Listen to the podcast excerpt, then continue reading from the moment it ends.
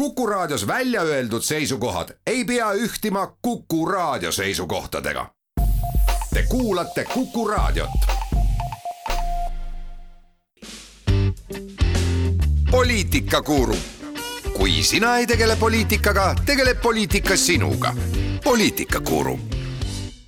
tervist, oleme Poliitikakuru saatega eetris ja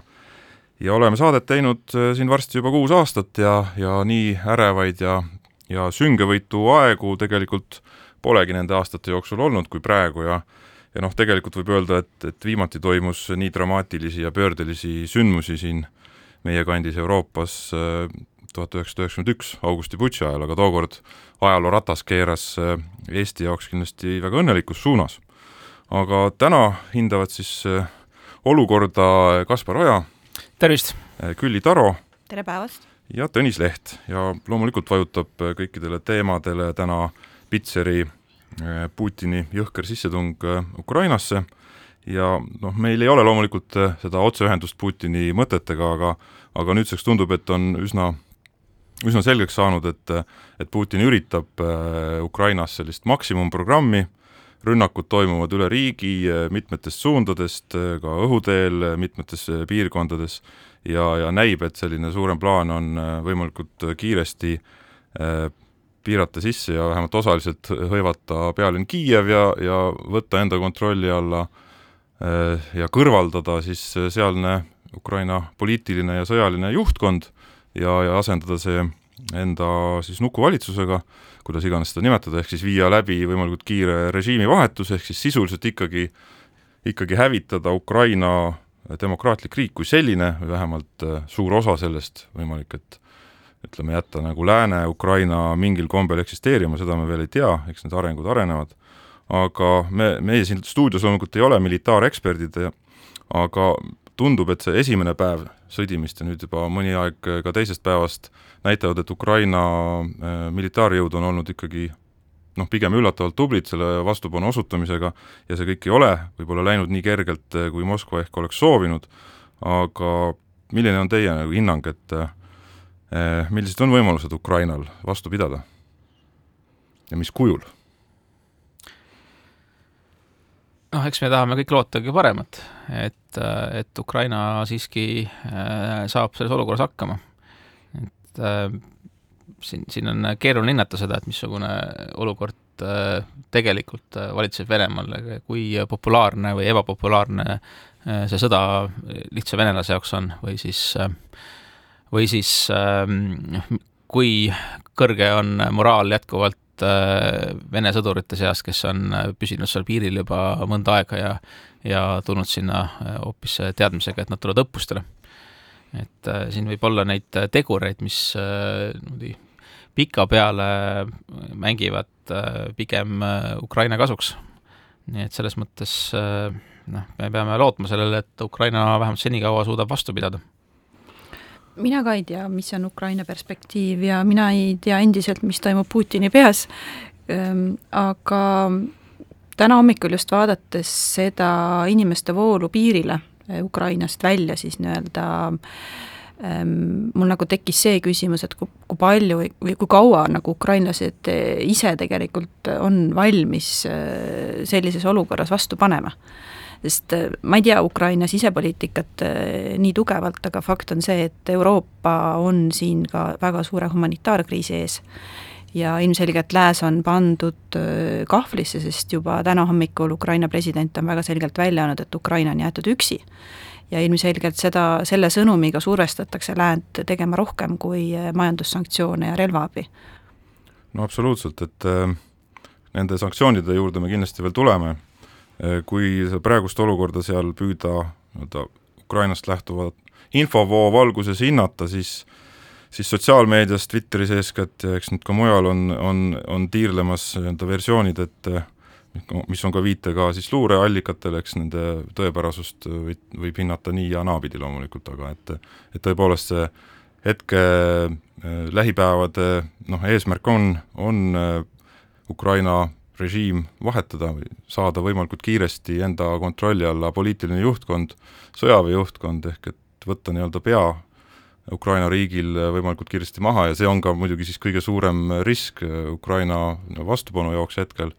et kui, kui Kiiev peaks vähemalt osaliselt siis langema vaenuvägede kätte ja ja president ja tema lähikond samuti peaks kas kõrvaldatama või langema Venemaa kätte, ründajate kätte, et siis noh, sellel on kindlasti väga oluline juhtimispoolelt mõju ja moraalne mõju Äh, Ukraina vastupanuvõimele, et samal ajal ju tegelikult ikkagi Ukraina väed üle riigi äh, idas, idas eriti, kus nad on olnud ju äh, sõjas kaheksa aastat põhimõtteliselt ja on, on on nii-öelda hästi ette valmistunud, et siis, siis need üksused üle riigi, paljud üksused on ikkagi võitlusvõimelised ja võimelised ka aja jooksul ilmselt ümber grupeerima, ümber paiknema, aga kui keskne juhtkond on hävitatud, et siis see kõik, kogu see mäng muutub nagu väga põhimõtteliselt, nii et meil jääb üle nagu pöialt, pöialt hoida, et et Ukraina juhtkond jääb võimalikult pikalt ikkagi alles ja jääbki alles, samal ajal moraalselt on neil keeruline Kiievist lahkuda, ehkki võib-olla see oleks nagu taktikaliselt ja hetkel mõistlik et ennast äh, tule alt välja võtta, aga seda on just nimelt president Zelinski, Zelinski ka täna hommikul ju rõhutanud, et äh, tema endiselt on Kiievis ja ei plaani lahkuda. no eile siin arvasid analüütikud, et äh, Kiiev langeb juba siis eilse kuupäeva sees, et seda ei juhtunud. nüüd arvatakse, et on jätkunud, et läheb veel päevi, et noh, ma nagu arvaks ka, et võib-olla lääne inimene ei kujuta ette seda, kui vinske tegelikult see ukrainlane on ja nad panevad ikkagi äh, vastu veel üsna kaua, et et noh, kui siin vaata neid sotsiaalmeedias levinud äh, niisugused äh, noh, sõnumeid siis äh, Ukrainast, et äh, kus siis äh, niisugune üks äh, meeskond, kes kaitses äh, saart äh,, mida ründas Vene sõjalaev äh,, oli siis kontaktis venelastega, venelased ütlesid, et, et andke alla, et me oleme siin Vene sõjalaev. Ja noh, nende viimane sõnum oli,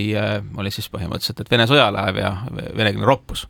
et, et mitte mingisugust allaandmist seal ei ole, et nende moraal on tugev, kuna nad ikkagi kaitsevad oma kodumaad. Ja ja Venemaa on siin ka näidanud, et, et nad ei austa mingisuguseid kokkuleppeid ja reegleid ja selles mõttes äh, nendega kokkuleppele minek äh, äh, ka nende inimeste jaoks, kes selle kokkuleppe teevad, ei tähenda tingimata seda, et neil edaspidi läheb hästi, nii et see, selles valguses ilmselt ei juleta ka neid kokkuleppeid teha ja Vene poole, Vene, Venemaa poole üle minna no millega Venemaa peab arvestama, on kindlasti see, mis tal enda riigi sees toimub, et me juba täna näeme rahutusi, vähemalt mina nägin pilte Peterburist ju, neid on mujal veel, ja, ja ikkagi noh, need sõnumid, mis meieni on jõudnud, näitavad, et ka ka Vene enda inimene ei ole sõja poolt. ta võib küll olla Putini toetaja, aga ta ei ole sõja poolt. et kuidas, kuidas Vene inimene selle nii-öelda konflikti enda jaoks ära lahendab, eks me seda veel näe tulevikus. ja kahtlemata ja mina usun ka Ukraina rahva vastupanu tahtesse eh, väga tugevalt, et eh, ja siin on küsimus, et mida siis eh, saab Eesti ja, ja teised lääneriigid teha, et ukrainlasi, Ukraina riiki toetada, et üks asi on majanduslikud sanktsioonid, millest me eraldi räägime, teine pool on siiski ka otsene sõja, sõjaline abi,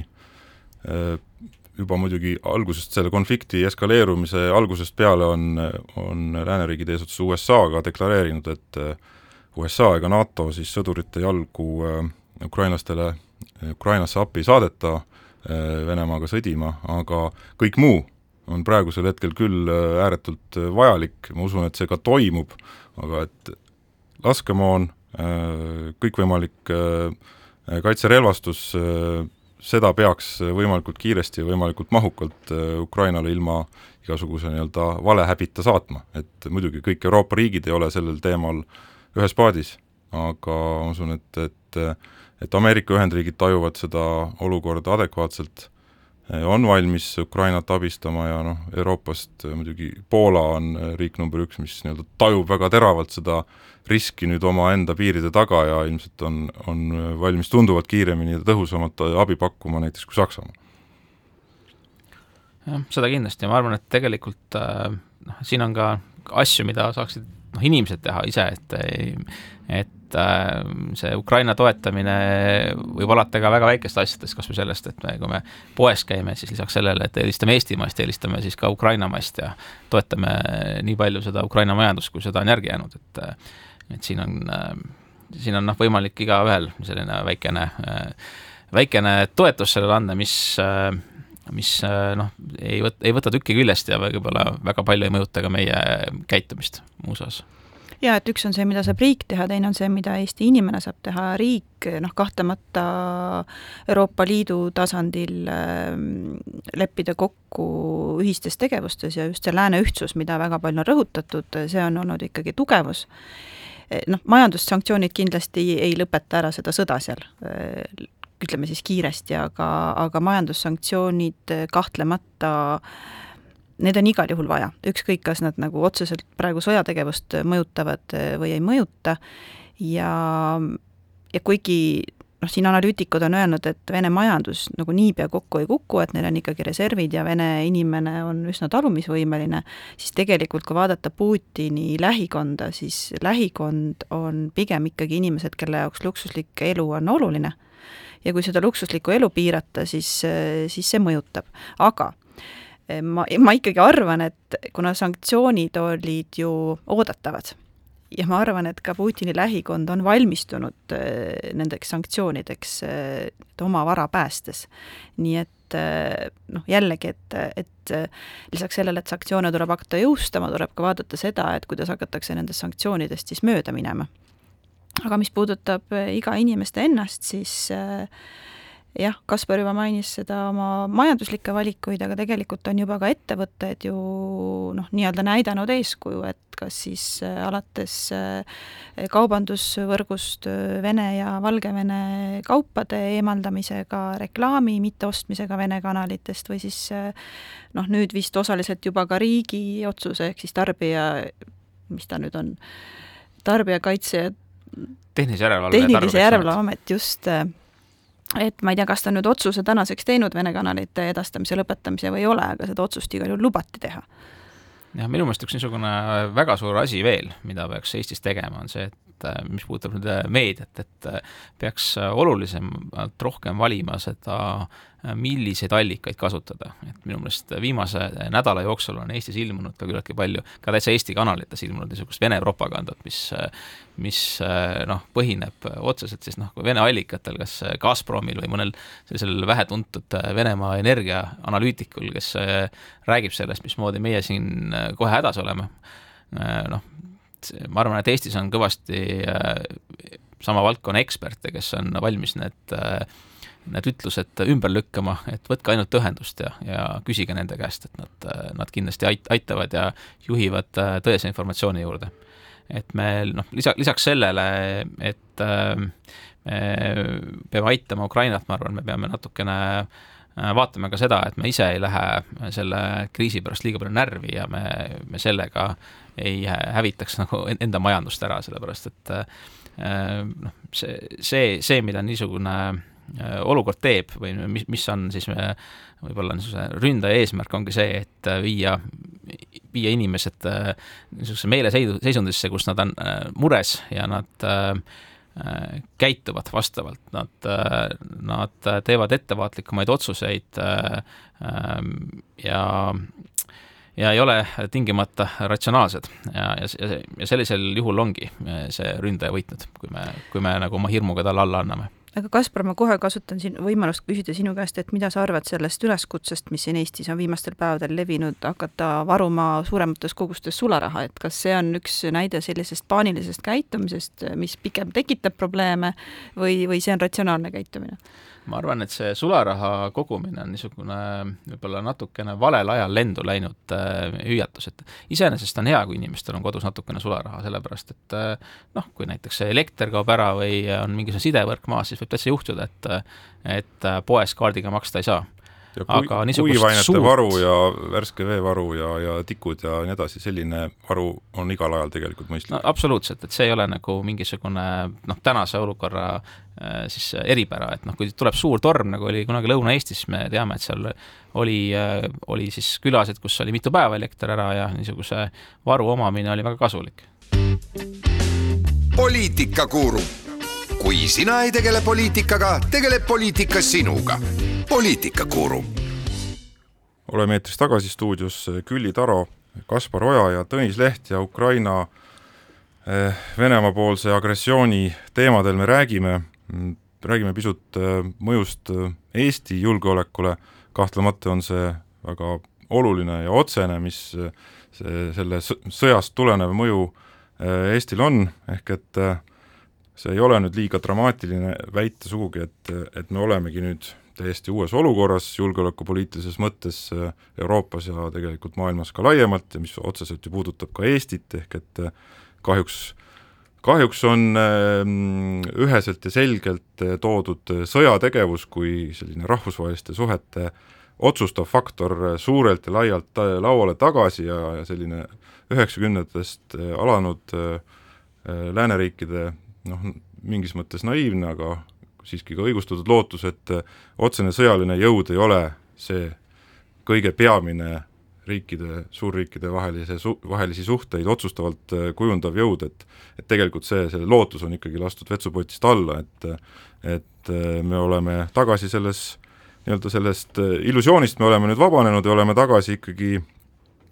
realistlikus maailmas, kus, kus jõud on see, mis määrab väga palju ja ja meie jaoks on väikese riigina nüüd veelgi olulisem loomulikult see, kuidas me oma liitlastega koos püsime, kuidas me Euroopa Liidus ühtsed püsime, kuidas NATO meid edasi toetab ja kuidas meie sinna panustame, ehk et kui me ei oleks omal ajal teinud neid ainuvõimalikke otsuseid, ei oleks liitunud Euroopa Liiduga, ei oleks liitunud NATO-ga, siis siis tänaseks me oleksime ikkagi Gruusia või Moldova positsioonis väga suure tõenäosusega eile oli minu jaoks äärmiselt sümboolne päev, et ühelt poolt me tähistasime oma vabariigi sünnipäeva, teiselt poolt hakkas Euroopas sõda ja samal ajal osana meie traditsioonilisest sünnipäeva tähistamisest oli kaitsejõudude paraad. ja ma arvan, et eile oli nagu seda paraadi, eriti seda liitlaste osalust sellel paraadil vaadata hoopis teine tunne kui tavaliselt, et, et kui muidu on see võib-olla selline, et noh, igaks juhuks äh, tore asi, vabandage väljenduse eest, siis ma usun, et eile ei tekkinud nagu kellelgi kahtlust, et miks, miks on see oluline, et, et liitlased on siin Eestis kohapeal ja, ja kuigi vähendatud mahus, siis minu arust oli see, oli see kaitsejõudude paraad äärmiselt südamlik nüüd teine pool, mida ju ka on juba välja toodud, et, et vast ei teki nüüd kellelgi enam küsimust, et miks NATO ja, ja miks Euroopa Liit, siis ma eile lugesin äärmiselt tähelepanelikult Martin Helme kõnet tõrviku rongkäigul. ja, ja tema üleskutse, ütleme siis igasugused poliitilised vastasseisud kõrvale jätta, oli hästi positiivne, samas äh, ma nüüd tsiteerin, ta ütles ühe lause oma kõnes, et meil on viimane aeg leppida tõsiasjaga, et Eestit ei kaitse mitte keegi teine, kui me kõigepealt iseennast ei kaitse. mis kahtlemata on õige. ma olen ka ise ka öelnud, et, et teeme nüüd lõpuks selle piiri valmis, mida Eesti sajandaks sünnipäevaks lubati. aga ta jättis ütlemata selle teise poole, et me peame ennast ise kaitsma, aga meil on siiski ka olemas NATO ja, ja, ja liitlased, et liitlassuhted on olulised. nii et noh, ma ütleks, et ka Martin Helme nagu tuli nagu poole tee peale. et ta nagu tunnustas justkui seda, et tuleb vastasseisud kõrvale jätta, aga teiselt poolt ikkagi ei paindunud vist ütlema välja see, seda, et NATO on oluline ta peab natukene rohkem pingutama, et, et ka mina usuksin äh, EKRE poolt äh, sellist nii-öelda retoorika muutust, iseenesest on hea, et ta, et ta seda juba eile tegi, aga ta peab natukene rohkem pingutama selleks, et läheks meelest ära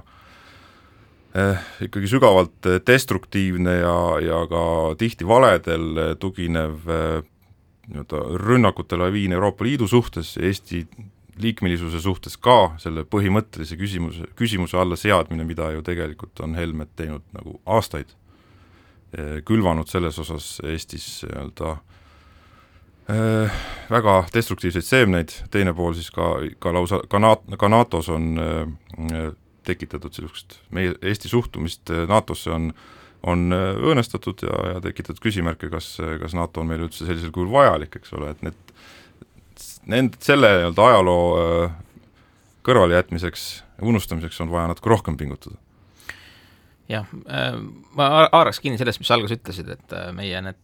tagatised, NATO, NATO ja Euroopa Liit, et mis me oleme õiged suunad valinud. minu meelest praegune olukord te-, annab meile kätte ühe niisuguse suuna, mida meil, meil vaja on. et kui me vaatame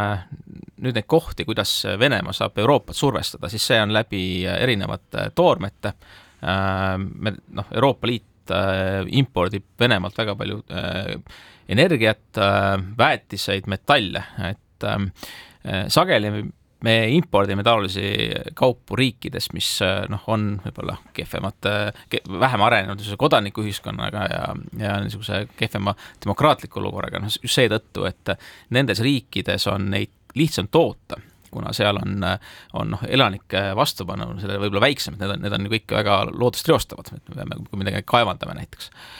Ja ma arvan, et me peame nüüd võtma suuna sellele, et äh, meil läheks ühest küljest neid järjest vähem tarvis, et me muudaksime oma majanduse äh, siis äh,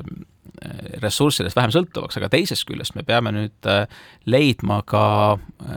võimaluse need ise tootma hakata ikkagi, selleks et me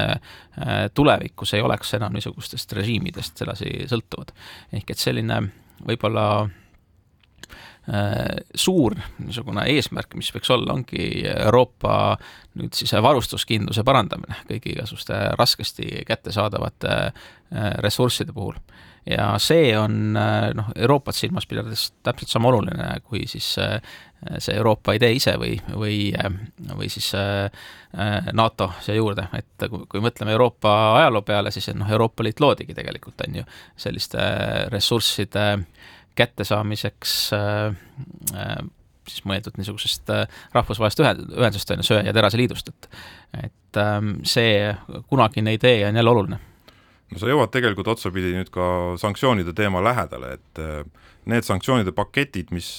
mis on eile, eile ja täna küpsemas, ehk Euroopa Liidu poolsed äh, täpsemad detailid sanktsioonide osas veel tänase jooksul äh, täienevad, küllap siin ka USA ja Ühendkuningriigi ja teiste poolt ka veel tuleb veel täiendavaid detaile, aga aga üks mõõde, mida seal noh, selgelt siiski senisest tunduvalt äh, ulatuslikemate sanktsioonide juures ju väga ei ole, on, ongi nimelt äh,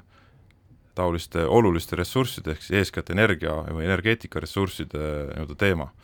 tõsi, äh, Nord Stream kahe nii-öelda sümboolne äh, edasi nii-öelda menetlemise peatamine, see on juba Saksamaa poolt toimunud. aga, aga see, et midagi, mingeid samme astutakse, ütleme, gaasi, nafta ostmise piiramiseks, et seda hetkel laual ei ole, see oleks liiga valus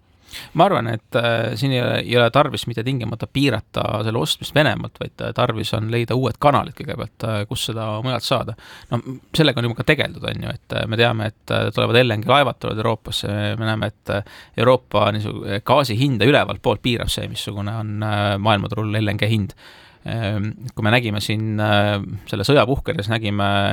Euroopas gaasi hinna tõusu, siis noh, nüüd on gaasi hind jälle päeva jooksul natukene langenud allapoole, sellepärast et äh, ilmselt see äh, lihtsalt vedelgaas maailmaturul maksab vähem ja, ja see seab tegelikult siis Euroopa gaasi hinnale piiri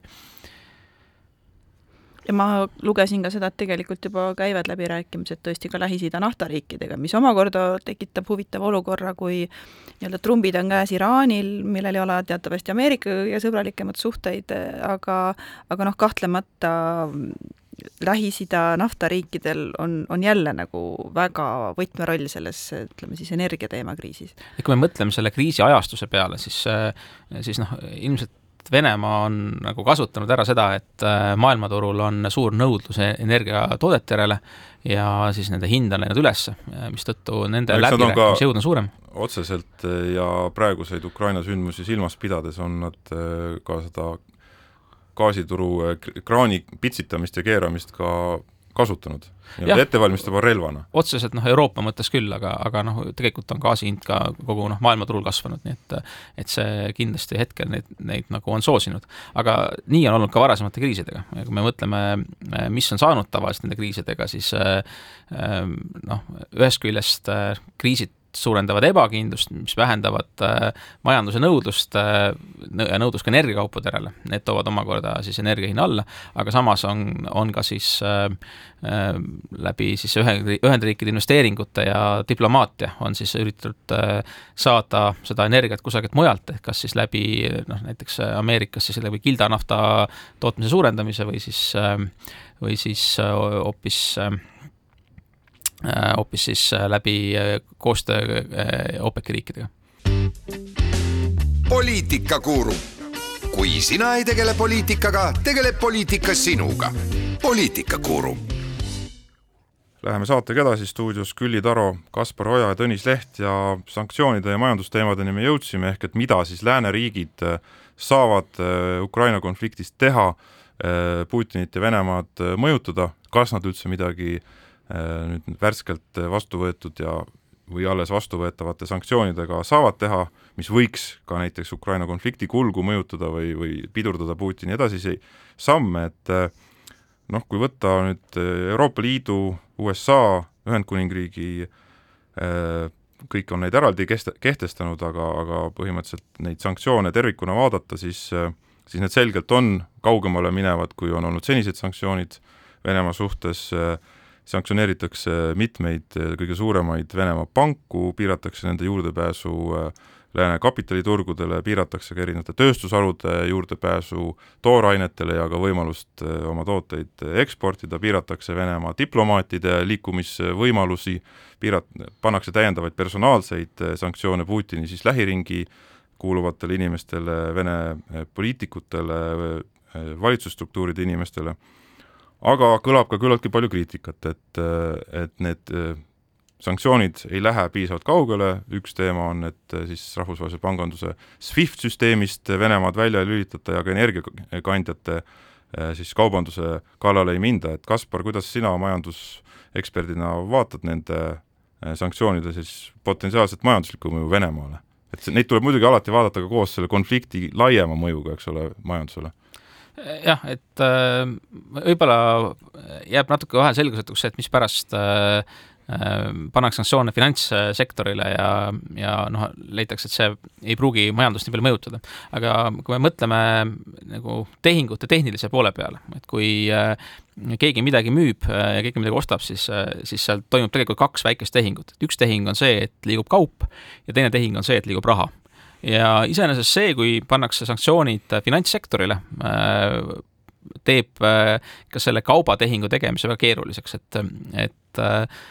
rahvusvahelise kaubanduse jaoks on, on vaja harilikult kindlustust ja mingisugust siis sellist ütleme, arvete ette hüvitamist või, või, või, või mingit äh, dokumente selle kohta, et need, need arved kindlasti hüvitatakse. ja kui me nüüd äh, hakkame piirama äh, selliste instrumentide andmist, siis sellel peaks olema tegelikult täiesti arvestatav mõju ka siis reaalsele majandusele või neile reaalsetele tehingutele. nii et ilmselt need töötavad küll. nüüd eraldi küsimus on see sanktsioonide ulatuses, et ähm, mina pigem vaataks siia juurde seda, et äh, need sanktsioonid kehtestati ikkagi üsna kiiresti. ja, ja ma arvan, et see ongi nende juures oluline, et, äh, et see reaktsioon oli vahetu ja, ja, ja noh, võimalik, et niisugustesse väga teravatesse detailidesse nende sanktsioonide juures ei olegi nii kiiresti võimalik kohe minna. Ähm, ma usun, et äh, need inimesed, kes need sanktsioonid välja mõtlesid, on teinud ka küllaltki äh, põhjaliku analüüsi selle kohta, äh, mida need sanktsioonid mõjutavad ja seetõttu neil ikkagi mõju saab olema, aga loomulikult äh, eks Venemaa on ka sanktsioonideks valmistunud ja pärast siis seda Krimmi kriisi on nad äh, muutnud oma äh, siis majanduspoliitikat nii piisavalt palju, et nad oleksid äh, tulevasteks sanktsioonideks paremini valmis, et et noh, meenutame Krimmi kriisi, siis äh, äh, juhtus ju niimoodi, et, äh, et äh, rubla kurss äh, langes selle peale, kui äh, kui hakkas, muu maailm hakkas sanktsioone kehtestama ja see tõi kaasa siis venelaste ostujõu languse, et noh, seal taga oli see, et oli Venemaa valitsuse sissetulek väga tugevalt seotud äh, naftaga. Äh, nüüd on nad tükk aega ajanud niisugust konservatiivset eelarvepoliitikat ja äh, see seotus naftaga ei ole enam nii suur ja tõenäoliselt rublakurss nii ruttu ei lugu lisaks on neil ju ka kogutud mastaapne sadades, mitmetes sadades miljardites dollarites, eks ole, nii-öelda sõjakohver puhver, millega neid raskemaid aegu üle elada. Jah, no see, see täpselt seesama ongi, et, et see ongi äh, niisuguse äh, konservatiivse eelarvepoliitika küsimus. ehk eh, noh, võib-olla see, see natuke meenutab ka neid samu arutelusid, mis on Eestis olnud, et, et me ikkagi äh, keerulistel ajad, aegadel stabiilsuse tagamiseks vajame seda konservatiivset eelarvepoliitikat no, mida. Venemaa suutnud mõnda aega ajada. eks riikidel on, kriisid on erinevad, et Venemaa põhjustatud majanduskriis on hetkel praegu enda poolt põhjustatud ja poliitilistel, isiklikel, mis iganes eesmärkidel, aga ma usun, et on üsna naiivne eeldada ja seda ka nüüd need sanktsioonide kehtestajad ei eelda, et need konkreetsed, see sanktsioonide ring võiks nüüd otseselt mõjutada vahetult ja kiiresti Ukrainas toimuva agressiooni käiku, et, et see väga suure tõenäosusega nüüd ikkagi Venemaa tegevust konkreetselt seal ei pidurda, ei pööra tanke nii-öelda piltlikult öeldes ringi. Küll aga pikemas perspektiivis on see siiski väga oluline ja tähtis samm, et ühelt poolt ta jah, siseriiklikult äh, potentsiaalselt tekitab rahulolematust äh, Putini režiimi tegevusega läbi majandusraskuste, pluss siis muidugi veel olulisem, noh, üks asi on siis äh, laiema avalikkuse, inimeste rahulolematus valitseva režiimiga, teine pool on siis vahetu lähikonna nii-öelda Putini oligarhide rahulolematus majanduslike oludega, nende isiklike võimalustega reisida, nende juurdepääsuga oma finantsvahenditele lääneriikides, aga selleks, et ikkagi veel päriselt tugevamalt ja preventiivselt mõjuvaid sanktsioone teha, tuleks minu hinnangul siiski veel astuda mingeid samm, mõningaid samme edasi. ja mida on tegelikult suhteliselt ikkagi keeruline oodata, et tuleks ikkagi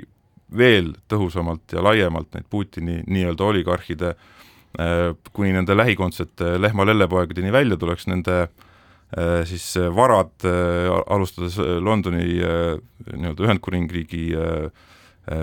varadest ja, ja mujal Euroopas ja maailmas need varad põhimõtteliselt külmutada,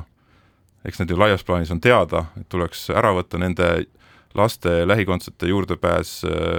lääne ülikoolidele, koolidele tuleks äh, peatada, Roman Abramovitši sugused oligarhid tuleks äh, Ühendkuningriigist välja saata ja nii edasi. et, et see on nimekiri, mida tõenäoliselt selliseid samme ei astutagi tõenäoliselt või no, neid on väga keeruline astuda juriidiliselt korrektselt, eks ole. no vot, siin on tegelikult see, et, et no mida sa enne mainitud, et Euroopa peaks äh, parandama varustuskindlust ise nagu teatud äh, toormete puhul äh,. võib-olla nad ise isegi tootma hakkama ja siis võib-olla vähendama vajadust nende toormete järele, tehes oma äh, protsessi paremaks. aga samasugune teema on täpselt, on rahapesuga et äh, kui siin äh, vist umbes nädal aega tagasi tegi, tegi vist Boris Johnsoni avalduse, et, et nemad on valmis äh, kõvasti reageerima sellele, kui olukord läheb halvemaks ja siis viitas, et me siis hakkame nagu päriselt tegelema rahapesu uurimisega nende oligarhide puhul, et noh, see on asi, millega peaks kogu aeg tegelema, et iseenesest kui me teeksime neid või me elaksime korralikult nende Euroopa väärtuste järgi, mis meil on, ja me ei lubaks teha sealt järeleandmisi siis erinevatele diktaatoritele või niisugustele noh, halbade, halbade eesmärkidega ebademokraatlikele jõududele, siis sellisel juhul ilmselt oleks olukord palju parem, nii et ma arvan, et selliseid Euroopa väärtusi me peame, peame hindama oluliselt rohkem, kui me oleme seda seni teinud. Ja ka Euroopa väärtusi silmas pidades me tegelikult oleme ju keerulise küsimuse juures, mis puudutab neid lähikondseid, et et noh, näiteks äh, oligarhide laste nii-öelda haridustee katkestamist, et kas sa saad ikkagi nagu vanemate patte laste kaela nuhelda, samas ilmselgelt äh, noh, ütleme, et lihtsalt sellepärast, et keegi on kellegi laps, ma arvan, et see ei lähe Euroopa väärtustega kokku, et me sellepärast nuhtleme, aga kui me räägime ikkagi varadest, millest siis ka need lähikondsed kasu saavad, see on hoopis teine küsimus et, et ja ma kuulsin ühte kõrget Euroopa Liidu ametnikku selgitamas, et miks ikkagi see nii-öelda sihitud selline sanktsioonide ja sihitud piirangute rakendamine võtab nii palju aega ja miks teda ei ole ikkagi nagu laiendatud, siis põhjendus oli see, et et et äh, ei taheta anda võimalust mil-, minna hiljem Euroopa Liidu vastu kohtusse, et siis peaks hakkama Euroopa võib-olla maksma mingit kahjuhüvitist takkajärgi. jah, no eks need on tõesed mured ja, ja, ja ega neist kiiresti üle ei saagi, võib-olla ei saagi üle, et, et äh, võib-olla ainult sellisel juhul, kui tõesti Ukraina linnasid hakatakse nii totaalselt hävitama, et kui ütleme siis Kiieviga hakatakse piltlikult öeldes tegema Aleppot, et siis äh, muutub äh, muutub ka meelsus kiiremini ja, ja astutakse mingis mõttes jõhkramaid samme ka, ka sanktsioonide mõttes, et eks tegelikult ikkagi on ju lääneriigid demokraatlikud riigid praegu otseses sõjas Venemaaga, tõsi, see sõda, seda sõda peetakse Ukrainas ja ukrainlaste kätega ja ukrainlaste elude hinnaga et meie saame siin Balti riikides, ma saan päris hästi aru, et me tegelikult ju oleme Venemaaga sõjas. me lihtsalt, meie õnn on praegu see, et, et seda sõda peab äh, Ukraina ja sisuliselt meid kaitseb, Lääne-Euroopas äh, äh, sellist mõtteviisi paljudes riikides ja avalikkuses kindlasti veel ei ole. ja võib-olla ka ei tule, et noh, kui, kui juhtub midagi väga jõhkrat, massilist tsiviilisikute tapmist, et siis võib see mõtteviis nii-öelda laiemalt hakata Euroopas levima aga ma arvan, et, et see mõtteviis levib juba päris kiiresti, sest et viimased uudised ikkagi näitavad, et ka tsiviilisikuid on väga palju surma saadud ja just igasuguste erioperatsioonide kaudu nii-öelda tagalast valimatult just nimelt tsiviilisikute pihta minnes, et ma arvan, et see suhtumine ikka juba on peaaegu muutunud. Aga selle teema, Ukraina teema võib-olla kokkuvõtteks või mitte kokkuvõtteks, aga viimase nüansina mõjust Eesti sisepoliitikale räägiks ka pisut, et natuke me sellest juba rääkisime, et et tõrviku rongkäigu sõnavõtud juba olid muutunud, et aga noh, neid mõjusid saab kindlasti olema veel, et et ühelt poolt on toimumas Ukrainas ikkagi eksistentsiaalse tähendusega konflikt ka Eesti jaoks, mis kindlasti mõjutab ka Eesti inimeste suhtumist ju noh, meie enda julgeolekusse ja ka meie poliitikasse, et võib eeldada, et et sellistes olukordades toimub äh, ka ühiskonnas teatud selline koondumine äh, siis liidrite taha, eeldusel, et liidrid pakuvad äh, mõistlikke sõnumeid ja näitavad ennast asiste juhtidena, et see puhtpoliitiliselt võib tähendada noh, eeskätt siis Reformierakonna ja Kaja Kallase populaarsuse kasvu ja usalduse kasvu tema suhtes, et noh, seni on need sõnumid töötanud, eriti välis, välismeedias on, on, on ju pea, meie peaminister ikkagi olnud väga nähtav, teiselt poolt äh, on keerulises olukorras kindlasti Keskerakond, kelle valijad eh, on paljuski venekeelsed ja nende suhtumine on eh, ikkagi eestikeelsetest eh, valijatest tuntavalt erinev. Jaa, et esiteks kindlasti on sellel kriisil mõju meie sisepoliitikale, nii tulevat tulevaste valimiste ja valimiskampaania mõttes, sest noh, tõesti, me oleme täna ju olukorras, kus neljal suurel erakonnal on ütleme siis toetus võrdsustunud, et, et, et kuidas see nagu poliitiline maastik edasi, edasi läheb, on siin päris põnev jälgida, aga iga selline kriis kindlasti ühendab ja, ja mis on nagu sellise kriisi puhul eriline, et tegemist on julgeoleku- ja välispoliitikaga, mis on sellised ütleme siis riigi tüviülesanded või siis põhiülesanded. et need on asjad, mida, mida inimesed ise nii-öelda teha ei saa, vaid sel-, selleks ongi riiki vaja ja, ja kahtlemata see, see tõstab usaldusväärsust riigi vastu, siis me kindlasti hakkame või tegelikult ju juba on, on ka sellest räägitud, et et kuidas me hakkame tegelema võimalike põgenikevooluga kogu, ütleme siis, suhtumine välismaalastesse Eestis ja Eesti inimeste kui, kui sellise, ütleme siis noh, meil on ka äsja vabariigi aastapäev selja taga ja vabariigi aastapäev on ju selline riikluse ja eestluse ja ja Eestimaa ja ja ütleme siis kodu selline defineerimise aeg, et see on kindlasti teema, mis, mis tuleb meil teravalt laua peale ja, ja lõpuks ähm, kui üldse sellest äh, olukorrast midagi positiivset otsida, siis iga selline kriis paneb ikkagi mõtlema asjadele, mis on päriselt olulised. et kas on mõtet nagu kogu seda avalikku tähelepanu ja, ja riigi äh, jaksu raisata teemadele, mis, mis ei ole võib-olla nii tähtsad, millega me siin viimastel aastatel oleme päris palju tegelenud, et tuleks nüüd ikkagi nende põhiteemade juurde tagasi. Mina ühele asjale vaidleksin natuke vastu, mis sa ütlesid, sa viitasid sellele, et Keskerakonna valija on venekeelne ja teistsugune. et äh, ma siin meil stuudios jookseb, taustal jookseb CNN, kus, kus siis on praegu äh, juttu on sellest, et kuidas äh, ka Venemaal on protestid selle sündmuse vastu ja äh, Äh, ma, ma selles mõttes äh, äh, ei alahindlaks ka noh, siis vene, vene, venekeelse Eesti elaniku niisugust inimlikkust, et ma arvan, et ka väga paljusid vene keelt rääkivaid eestlasi häirib see olukord, mis mis praegu Ukrainas on. Ja see, see võib vaidle, tegelikult aga, isegi nende... rohkem ühendada ja. siis Eestis elavad inimesi omavahel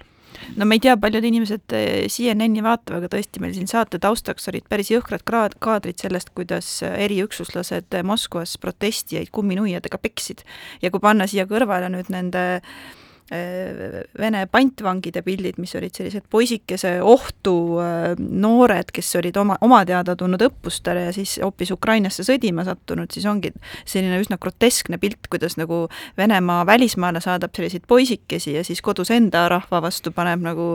täisjõus kumminuiadega mehed. Äh, ma usun ka ja loodan, et, et see avab ka silmi ja tõesti ka meie venekeelses elanikkonnas nii-öelda meie Eesti riiki suhtumist veelgi parandab, et neid, neid inimesi, venekeelse emakeelega inimesi, kes Eesti riiki väga hästi suhtuvad, ju tegelikult on väga palju. aga on loomulikult ka teises inforuumis elavaid äh, kaasmaalasi, kelle suhtumist ikkagi kujundavad need nüüdseks siis äh, teleoperaatorite poolt suletavad äh, Vene telekanalid, mida noh, endiselt on võimalik internetist muidugi vabalt edasi vaadata aga, aga, aga see tähendab ikkagi, et Keskerakonna jaoks on olukord ikkagi natuke keerulisem, et nende valijas, põhivalijaskond on natuke selline ambivalentsema suhtumisega ja rohkem lõhki, et et Eesti, eestikeelsete valijatega erakondadel on selles mõttes palju lihtsam see olukord, et Keskerakond siin natukene, eriti oma venekeelsete poliitikute kaudu, juba on ka näha, et nad nagu vähemalt seni on püüdnud rohkem laveerida, ei ole nii üheselt asunud eh, kogu seda Ukraina temaatikat eh, hukka mõistma mõned eh, on ka isegi üsna vägagi mõistvalt suhtunud oma väljaütlemistes, aga noh, igal juhul on see selline keeruline ja lõhestav olukord Keskerakonna jaoks. ei, jah, võimalik ja, ja, ja, ja noh, aga samas, kui me vaatame nende siis keskerakondlaste sõnumeid, kes äh, sellele teatud toetusavalduse alla kirjutanud eh, kahekümne kolmandal veebruaril, siis noh, eile no näiteks Oud-, Oudekki Loone minu meelest juba rääkis natukene teistsugust juttu, et et ma arvan, et selline nagu suhtumine sõjasse ja suhtumine äh, tapmisesse on ikkagi suhteliselt äh, universaalne kõigi inimeste seas. info levib, arusaamine ka levib, teeme siinkohal väikse pausi. poliitikakuru, kui sina ei tegele poliitikaga, tegeleb poliitika sinuga. poliitikakuru oleme saatega eetris tagasi, stuudios Külli Taro, Kaspar Oja ja Tõnis Leht ja kõigest hoolimata oli meil ikkagi eile vabariigi aastapäev ja, ja kõik need äh, märgilised sündmused, äh, välja arvatud siis tavapärane presidendi vastuvõtt ja kätlemine, kõik sündmused ikkagi toimusid kenasti ja toimus ka president Alar Karise esimene siis äh, vabariigi aastapäeva aegne kõne, et mis on saanud ka päris palju tagasisidet, nagu ikka, ühiskonnast. Kasparit ma ei hakka nüüd selle küsimusega spetsiifiliselt kiusama, sest sina oled värs-, värskelt asunud äh, presidendi majandusnõudniku kohale, aga Külli, et kuidas sinule presidendi kõne ja sõnumid kohale jõudsid? enne kui presidendi kõnest rääkida, siis minu jaoks tegelikult kahekümne neljas veebruar on üldse selline kõnede päev. ja üks kõne, mida ma alati pikisilmi ootan, on Kaitseväe juhataja kõne. Ja, ja sel aastal see kõne oli minu jaoks selline äärmiselt posi-, positiivne tänulikkuse näitamine nende inimeste vastu, kes, kes tõesti nagu enda riigi heaks välja astuvad. et seal oli ka selline hästi kena kujund, kus ta nimetas, et õppekogunemistest on saanud justkui laulu- ja tantsupidu.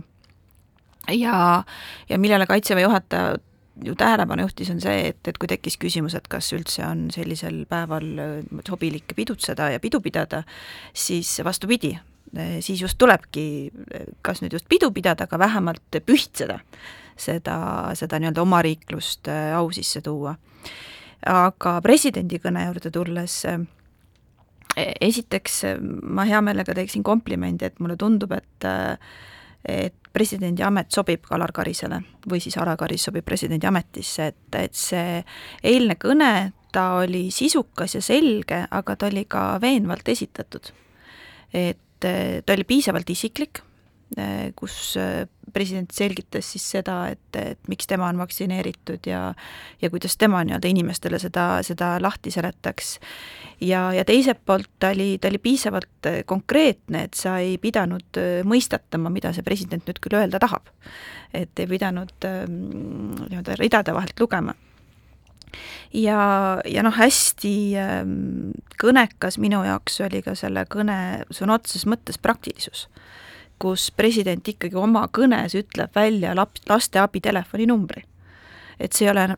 noh, nii-öelda mitte niisama selline jutumulin, vaid see on ka, vaid see on ka midagi sellist, et kui et kui siiani ei ole veel inimesteni jõudnud see teadmine, et päriselt on võimalik abi saada, siis, siis presidendi suu läbi kindlasti. ja, ja noh, kindlasti viimasena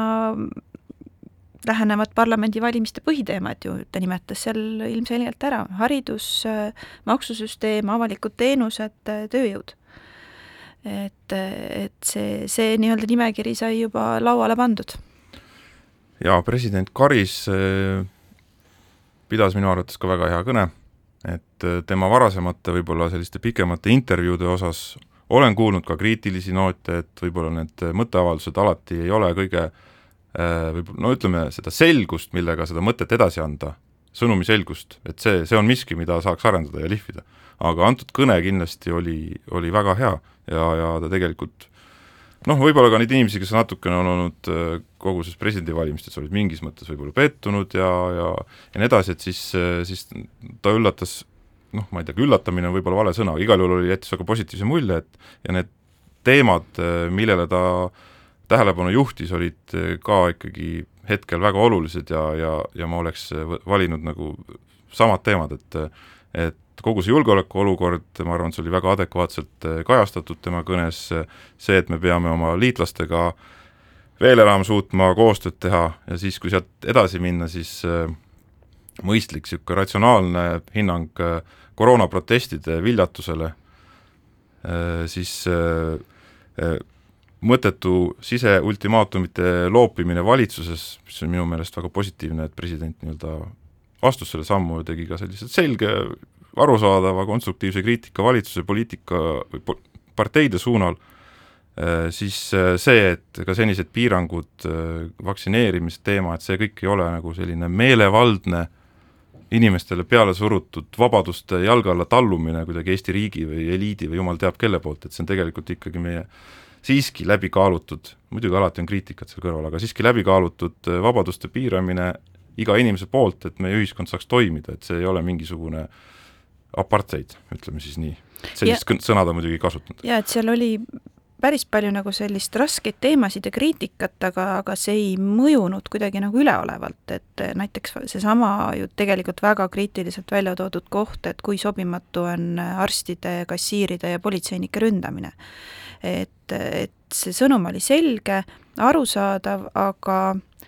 noh, ma muidugi ei tea, kuidas see nüüd mõjub nendele inimestele, kes neid arste, kassiire ja politseinikke on, on, on nii-öelda alandanud. et kuidas see neile mõjub, aga, aga noh, minu jaoks oli nagu nii oluline, et see, et see oli välja toodud.